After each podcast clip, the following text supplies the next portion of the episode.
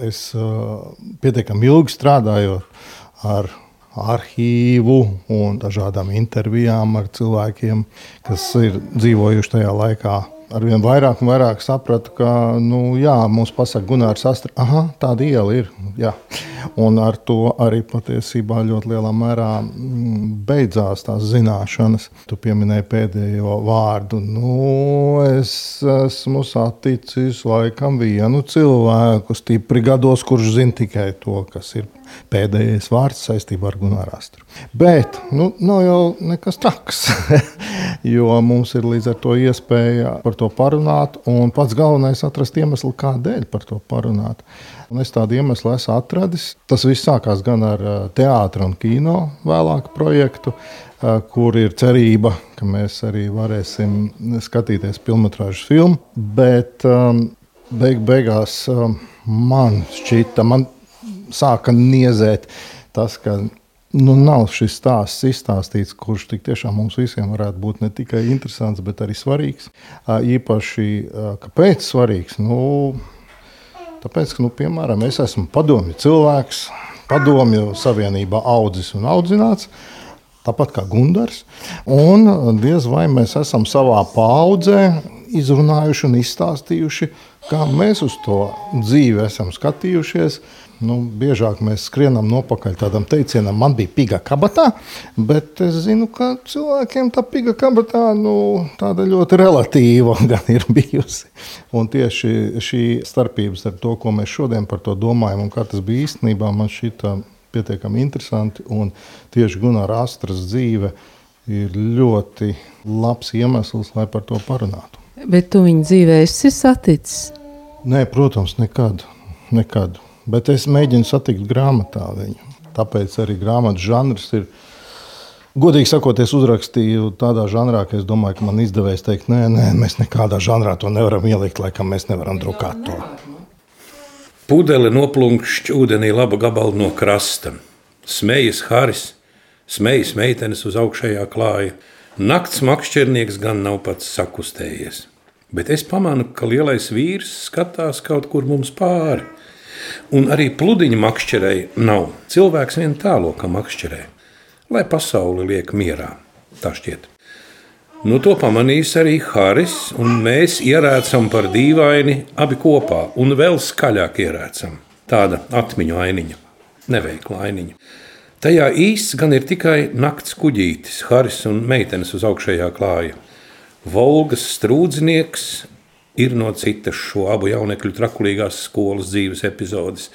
Bet krastā sēž mans šodienas iedoma tēls Gunārs A., par kuru tobrīd vēl neko nezinu, pat nenojaušu par viņa eksistenci. Gunārs ir īsts. 1976. gadā viņš ir atgriezies savā Lucavas salas ģimenes mājā pēc 15 gadu prombūtnes. Ir godīgi nosēdēts soda nometnē no zvana līdz zvanam.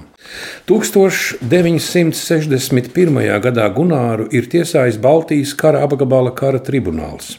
Dzimtenes nodevība un spiegošana. Nav parastas tiesas līmenis. Gunārs ir nosēdējis gan visus manus skolas gadus, gan bērnu dārza laiku. 1961. gadā esmu trīs gadus vecs, un mani vecāki šķīras. Acīm redzot, nav malots, ka spilgtiem dzīves mirkļiem ir īpaša enerģētika. Citādi nespēju izskaidrot. Paps mani šūpļu zirdziņa mugurā griež uz riņķa augstāk un augstāk, arvien augstāk. Mirdz parkets un ik brīdi no jauna uzzib milzīgās gadsimta sākuma podziņu krāsnes sāni, tās vidū uzgleznotā Holandas upes ainava, un tad mēs ar mammu ejam prom. Tomēr Gunārs savu noziedzīgo darbošanos ir sācis stipri agrāk, jau 1958. gadā, manā dzimšanas gadā. Ar mērķi graut un vājināt padomju varu viņš ir sistemātiski nodarbojies ar aģitāciju un propagandu. Tā formulēts tribunāla apsūdzībā. Bet 1976. gadā es neko par to vēl nezinu. Tomēr 1976. gadā šādi uzbūrta ainiņa ar manu iedomu Gunāru Lucavas salas krastmalā nemaz tik neveikli nešķistu. Zinātāji tajā pamanītu vairākus kodētus tēlus un slepenus signālus. Tas ir laiks, kad pateiktā ir mazāk par nepateikto, un šos noklusējumus biju iekārdinājis atpazīt kā sauli vai mēnesi pie debesīm. Nedz kāds man tos bija ieskaidrojis, nedz pats apzinājos to zīmīgumu. Itin vienkārši tulkojama makšķerēšana, kaut ko itin neko nebija dzirdējis par Mordovijas soda nometnēm, tomēr ticami, ka pēc 15 gadiem vidē, kur vientulība ir neiespējama, cilvēks vēlēsies nolīst maliņā. Nakts tēls ir šo alku paspildinātājs. Jaunā vecā dzīve, kurā Gunārs daudz ko vairs neatpazīst, varētu būt viņam par stipru. Jāsāk pierast pamazām, nakts klusumā. Es esmu beidzis juridisko fakultāti.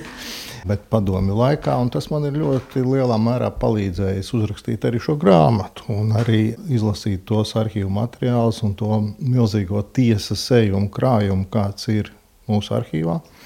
Izlasīt tā, kā tas ir uzrakstīts, un atkodēt to, kas tur arī nav starp divām tiesas sēdēm arī varētu rasties tāds priekšstats, ah, tiesas lietas, un tas ir. Un turklāt mēs jau zinām, tas nav tā kā amerikāņu filmās ir tiesa, kurā, oh, kurš tad uzvarēs. Mēs zinām, jā, šeit jau bija tāda tiesa, kur viss ir skaidrs jau pirms tā ir sākusies. Uh, bet uh, interesantākais laikam tomēr ir tas, ka pat mēs nespējam šodien atbūrt to Gunāru A, kāds viņš varētu būt. Pilnā apmērā nav iespējams par viņu stāstīt, bet ir iespējams gan kaut kādu tēlu saprast, tad, kad mēs paskatāmies apkārt uz to galmu, kas ir apkārt pašam Gunāram un kā šie cilvēki reaģē uz to, kādi ir liecinieki, kādi ir prokurori un kādi ir advokāti. Un tad gan šī bilde uzzīmējās ļoti kontrastaina un pārliecinoša. Un tad gan mēs saprotam, šo cilvēku likmes, spējas vai nespējas ar šīm likmēm sadzīvot.